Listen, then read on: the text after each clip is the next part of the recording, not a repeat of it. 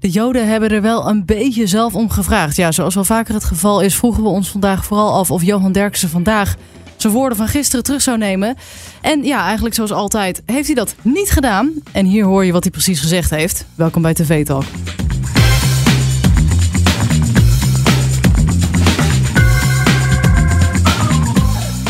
Ja, welkom bij TV Talk. Dit is de podcast die jou iedere dag bijpraat over wat je hebt gemist op de Nederlandse televisie. Mijn naam is Charlotte en ik zit hier vandaag met Stefan. Ja, we zitten er weer. We zitten er weer, mijn favoriete beeldredacteur. Oh, wat lief. Uh, ja, Begin je lief. Ja.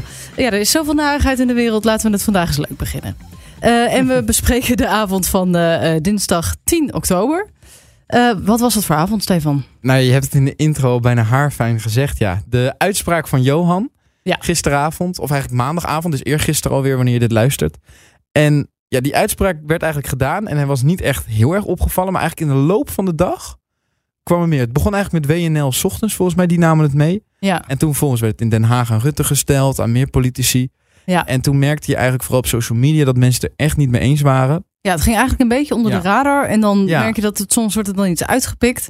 En dat wordt inderdaad aan iedereen gevraagd. Kamerleden waren er kwaad over. Ja, het was Ja, liep een beetje uit de hand. Ja, en inderdaad, dat, daar komen we achter, anders komen we er zo over. Want eh, het komt- wordt genoeg VI, eh, deze uitzending. Oh. Maar er waren natuurlijk ook andere programma's. Ja. Zo eh, hebben we ook iets meegenomen uit Galit en Sophie. Maar er zat bij Galit en Sophie ook een andere belangrijke gast. De, andere, de gast van het filmpje komen we zo op. Frans Timmermans zat daar de tafel, aan tafel. En niet om te praten over zijn politiek iets. Ja, eigenlijk ook wel een beetje. Maar eigenlijk als voormalig minister van Buitenlandse Zaken zat hij daar. Want dat is Oh, ook geweest. En eh, toen eh, waren ze eigenlijk aan het praten over waarom er nog geen vliegtuig is. Een repatrierings. ja, dat woord ga ik me niet eens aan branden. Nee, ja, ik doe het wel. Eh, maar ik doe het fout waarschijnlijk. Waarom die nog niet terug is geko- waarom die nog niet verstuurd is. Ja. Ehm, om Nederlanders op te halen. Die avond kwam natuurlijk het nieuws. Vanavond Nou, dat ja, ze dat ze wel hebben gaan doen. navraag gedaan bij eh, Buitenlandse Zaken. Die konden niet antwoord geven. Toen hebben ze aanvraag gedaan bij KLM. Nou, en tijdens de uitzending werd duidelijk dat KLM erop had gereageerd. Ja. Eh, en er gaat inderdaad een vlucht komen vanuit Buza. En dan misschien ook nog een vlucht op donderdag Ja. vanuit eh, KLM. Dat, zijn ze aan het zeker. onderzoeken. Ja, Ja, precies. dus, dus nog een beetje met een slag om de arm. Maar mensen Ja. worden dus wel opgehaald. Ja, maar het opvallende was dat eh, eigenlijk Timmermans ook geen idee had waarom het nog niet was gebeurd. Hij zei van ja, het is helemaal niet moeilijk zo'n vliegtuig versturen. Je kan vragen of KLM een eh, vliegtuig stuurt, dan moet je alleen de eh, g- verzekering garanderen. Of je stuurt zelf een eh, regerings- of een leger eh, militair vlie- vliegtuig. Ja, dus hij had ook niet een verklaring Nee. voor waarom dat misschien langer geduurd Nee, dus dat was wel opvallend. Oh. Ehm, Later hebben we ook nog een ander fragment uit Gelied en Sophie. En ja, eh, Lubach was ook wel leuk, want daar was de gast, ik moet even de telefoon bijken, Jawad S. Soufi. Oké. Je kent hem misschien niet, maar hij is influencer, komiek en docent Nederlands. En vooral vanwege dat docent Nederlands gaat hij vaak eh, viral op TikTok. Dan maakt hij video's waarin hij anekdotes van in de klas vertelt. En hij is zelf eh, Marokkaans. Oh, ik denk dat ik hem wel eens tegen mag Ja. komen. Ja. Ja, hij, hij heeft wel humor. En hij doet wel leuke sketches, doet hij dan na. En hij heeft nu ook een theatertour. Nou, dat was helemaal uitverkocht. Ehm, had hij gewoon zelf het theater gehuurd. Toen zeiden ze bij het theater ook van... Hoe ga je dat in godsnaam vol krijgen? en toen zei hij van... Ik heb 15.000 volgers op Instagram. Komt helemaal goed. En het was gelijk uitverkocht. Dus ja, Jezus, al ik wel vind leuk. het toch knap hoor. Leuk Ja. dat mensen gewoon via Ja. TikTok of social media eh, gewoon... Naar, naar theater zichzelf. trekken. Ja, en dat ze gewoon een naam voor zichzelf kunnen maken zonder hulp van, Ja, ja, van mensen die weer ja. van ze profiteren. Zoals producers of een agent. Of Precies. Hij kon ook zien dat leuk. alles via zijn Instagram werd verkocht. En hij zei dus ook dat er een paar Hollanders, verdwaalde Hollanders in de zaal zaten. Die bijvoorbeeld, eh, eh, die echt scheef naar hem zaten te kijken. En toen zei hij ook dat die waarschijnlijk eh, geabonneerd waren op de nieuwsbrief van het theater en zo. Dus daar maakte hij wel een aantal leuke grappen over. Want het waren er maar vier per show. Ja. En dat zei, het was wel leuk. Dus als je dat wil terugkijken, moet je het even doen. Hij had ook nog een dagboeka meegenomen. Oh. Hij noemde het zelf een eh vaastrommel. Zo zouden Nederlanders het noemen. Dat is een trommel, Marokkaans instrument. En daar kon die kedengedeng, ome Jan van eh Willeke, Willeke Alberti... en Watske gebeurt van de tegenwoordig precies op sna spelen. Nou. Dat is wel heel leuk. Maar dan, ga, dan gaan we naar VI. Het eerste fragment, nuance. En eigenlijk in de promo van VI zei Johan al van... ik ga mijn woorden niet terugnemen, maar ik ga wel nuance aanbrengen. En dat deed hij nadat hij had gesproken met eh, een Joodse advocatenvriend. Terugkomen. Eerst natuurlijk naar de man zelf, Johan Derksen. Hoe kijk jij erop terug, Johan? Op gisteravond? Nou, ik ben heel tevreden over mijn eh, teksten. Nou, nou, tevreden, hoe bedoel je dat precies dan? Nou, dat ik er volledig achter sta. Dus dat, dat is het probleem niet. Maar ik hoorde dat op social media de mensen er nogal een probleem van Nou, de maakten. politiek ook. De, de politiek was ook. Ja, ja, nou ja, dat interesseert me niet. Kijk, eh, ik heb één reactie gehad. Ja.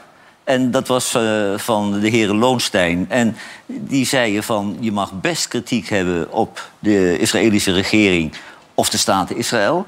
Maar jij zei, uh, de Joden hebben er een beetje om gevraagd. Ja. En dan spelen wij in Amsterdam plotseling ook een rol. Dat vinden we vervelend. Nou, dat had hij een punt. Ja. Maar inhoudelijk verandert het niet. Dus je bedoelt dus Nou, hij neemt zijn woorden dus wel Ja, een hij- klein ik- beetje terug. Ja, ik heb het ook beschreven als rectificeert zichzelf. Want dat Nou ja. vond ik het wel bijna. Hij noemde het niet zo, maar Ja. hij nam eigenlijk wel... Hij verbeterde zichzelf. Ja, het gebeurt in ieder geval ook niet vaak dat hij iets onhandigs zegt en dat dan terugneemt. En dat is wel een beetje wat dit, dit was. Hij, ik, Ja. tenminste, ik had het idee dat hij zichzelf inderdaad gewoon versprak. Want die mening dat, eh, die hij heeft, dat, Dat we nou ja. Israël niet helemaal kunnen ontzien. En Ja. dat je die hele geschiedenis mee moet nemen. Dat zij ook schuldig zijn aan een heleboel verschrikkelijke dingen. Ja. Niet de inwoners van Israël, maar je begrijpt wat ik bedoel. Precies. Ehm, kijk, die hebben heel veel mensen. Dat is niet zo'n hele controversiële mening volgens mij. Klopt, ja. Dat, is, dat hoor je best wel veel. Ja, dus sommigen zeiden ook van als je de Israëlische vlag ophangt, moet je ook de Palestijnse vlag ophangen. Ja, Want het- de Palestijnse vlag is geen Hamas-vlag. precies. Ja, dat dat, is natuurlijk ook wat heel veel mensen door elkaar halen. Ja, Hamas en Ehm, Palestina of Pales, Pales, ja, ja, Palestijnse. Palestijnse mensen zijn wat anders. Mensen. Ja, Palestina Ja. bestaat niet meer. Dat is het Nee, sorry. Ja, nee, dit is zo ingewikkeld. Ik snap het ook. We zijn ook in een hele korte tijd allemaal expert geworden Ja, bijna dit wel, ja. conflict. Ik weet nog dat ik gisteravond tegen je zei van ik weet er eigenlijk te veel van. En eigenlijk vandaag denk ik, word ik eh, begin ik wel te verspreken omdat ik te veel eigenlijk, of nou niet Ja. te veel, want dat is natuurlijk Jawel, want zo, zo gaat het. Eerst weet je er heel weinig van, zeg je er weinig over, dan denk je van, nou, ik weet er iets van. En dan wordt het eigenlijk alleen maar lastiger. Ja, precies. Nou, dat is het met dit conflict heel erg. Jij zei ook, van, ze hebben het er, de rest van de uitzending bij VI hebben ze er eigenlijk over gehad. Ja. Ik las ook Ja. dat zij eh, ehm, ehm, had gezegd van, ja, je hebt bijvoorbeeld een gemeente, ik weet even niet meer welke gemeente het was, die een hele grote Vlaardingen. ja, Pa- Palestijnse gemeenschap heeft en dat ze daar dan de vlag van Israël ophangen. Ja, ja dat punt, dat snap ik dus ergens Ja. wel. Ja, en Ja. dus eigenlijk... Abu ehm, Talib, eh, burgemeester van Rotterdam, weigert het. Die Ja. hangt geen vlag op. ja, dan dat, kun je, dat kun je ook doen. Het is zo ingewikkeld. Ja, het is gewoon, het is heel lastig om een kant te kiezen. En in Oekraïne en Rusland is het redelijk, of is het makkelijker, omdat daar echt een land wordt binnengevallen. Maar dit was natuurlijk niet echt een land. Dit was al een ingewikkelde Ja, situatie. dit is al iets wat zo Precies, lang loopt en dus waar ja. zoveel geweld ge- eh, aan de hand is. En het is nu natuurlijk, je hebt de Hamas en dat is niet...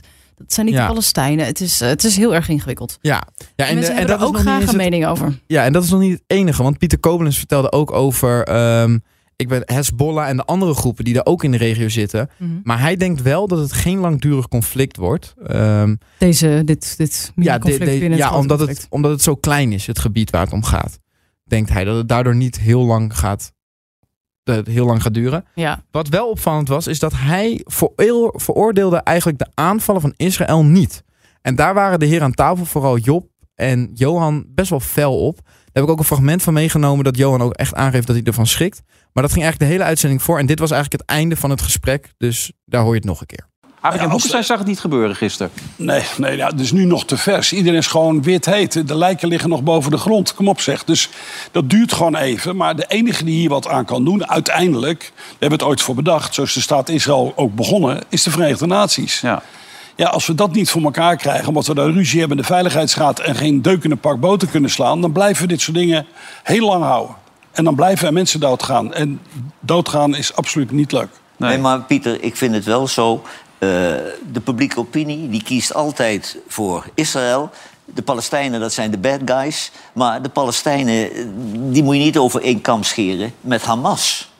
Dat zijn twee verschillende groeperingen. Ja, dat zeg je nu een paar keer. Maar als het nou zo duidelijk was, dan was het ook makkelijker om ze eruit te halen en weg te halen. Maar dat loopt in elkaar over. Het is Maar jij zo. vindt, kijk, ik, ik schrik ervan dat jij het dan eh, legaal vindt om dan maar een machinegeweer erop te zetten. En dan zit er Nee, wel dat- een van nee, Hamas nee. bij. Nee, ik heb gezegd dat wij hebben afgesproken internationaal dat het proportioneel moet zijn. Dus je hoort mij niet zeggen dat eh, per definitie burgers moeten dood worden gemaakt. Sterker nog, we hebben zelf allemaal regels om het zoveel mogelijk te vermijden. En lukt het niet, sta je voor de krijgsraad of sta je voor het internationaal rechtshof. Maar ja, eh, 10 bij 40 kilometer, 2 miljoen mensen, dat wordt best ingewikkeld. En ik deel je mening niet dat je Hamas zich een beetje verbergt tussen de lokale bevolking en verder niks met de lokale bevolking te maken heeft. Nee, we zitten Zo nu, makkelijk we is het zitten nu in een soort herhaling. Ik denk dat we er Ja. niet uit gaan komen vanavond. Maar goed, Maar nou ja, Ja. je hoort het zo al zeggen. Ja, Ja, dit was de conclusie trouwens, dat trokken ze bij elke talkshow. Niemand komt eruit. Het is elke keer een... Want ja, het is gewoon... Ja, ja, niemand komt uit. En dan is het ook nog eens op televisie. En als je iets op tv zegt, dan ligt het vast. En je hoeft het maar net verkeerd te zeggen. Nou, dat zie je bij Johan ook. En dan, dan word je er erg voor veroordeeld. Weet je trouwens waarom uh, nou, de westerse wereld heel erg uh, Israël... of nou een beetje meer pro-Israël of die kant op hangt? Ja. Dat heb jij, dat heb jij bij artikel gelezen. verteld. Ja, dat jij dat in het artikel had gezet. Want, Charlotte? Ja, nou, ik heb daar, dat heb ik niet zelf bedacht. Daar heb ik iemand over gesproken. Een deskundige, uh, Thomas van Gol... Uh, die heeft op meer plekken gezeten inmiddels. En um, ja, dat is eigenlijk heel erg logisch. De, uh, Israël heeft, zien wij heel erg als de enige democratie ja. in het Midden-Oosten.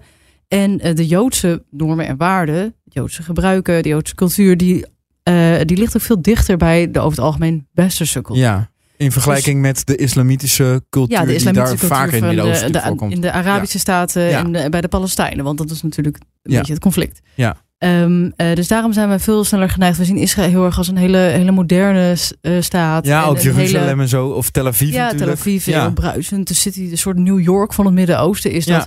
Dus wij voelen daar wat meer bij. En heeft natuurlijk ook te maken met schuldgevoel uh, tegenover de Joden na de Tweede Wereldoorlog. Tenminste, dat denken veel mensen dat okay. daar ook wel een beetje wat zit. Okay. Um, maar goed, je hoort al, het gaat zo ver terug, want het begint ook helemaal bij de Britten die die nou, ja, hebben beloofd. Het is, ja, het is, want Job ja. Knoester maakt ook een punt van, die snapte uh, de Joodse uh, uh, mensen daar wel, want die eigenlijk al 2000 jaar leven die in angst. Al voor de twee. Daarom wilden zij daar graag heen. Ja, goed, al, ja al, het speelt Palestijnse mensen was het weer van, ja, waarom we leefden hier al in harmonie samen, nu komen steeds meer mensen bij, moeten steeds meer land afstaan.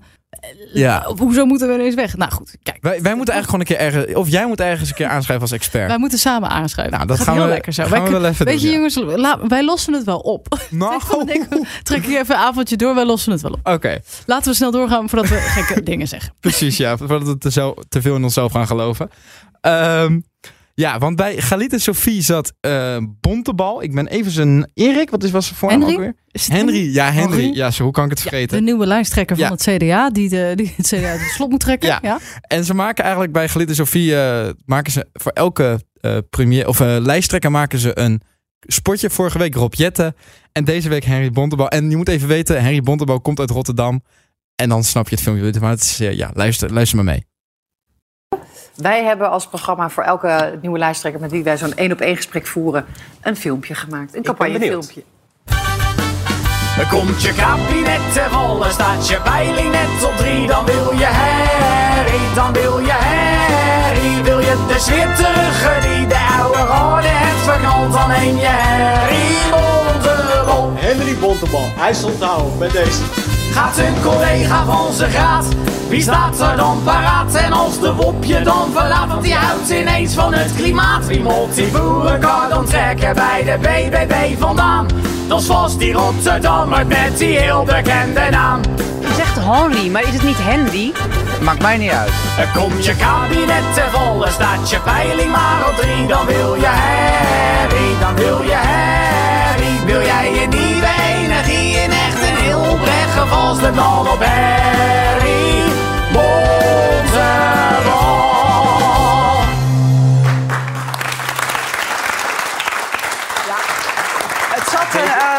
In het campagnefilmpje, dus we moeten het er heel even over hebben. Deze is wel beter dan onze eigen campagnespot. Dus okay. ik zou wel voorstellen dat wij gewoon onze eigen campagnespot gaan inwisselen... en dat we deze Dat je deze, dan, uh, dat je deze gaat gebruiken.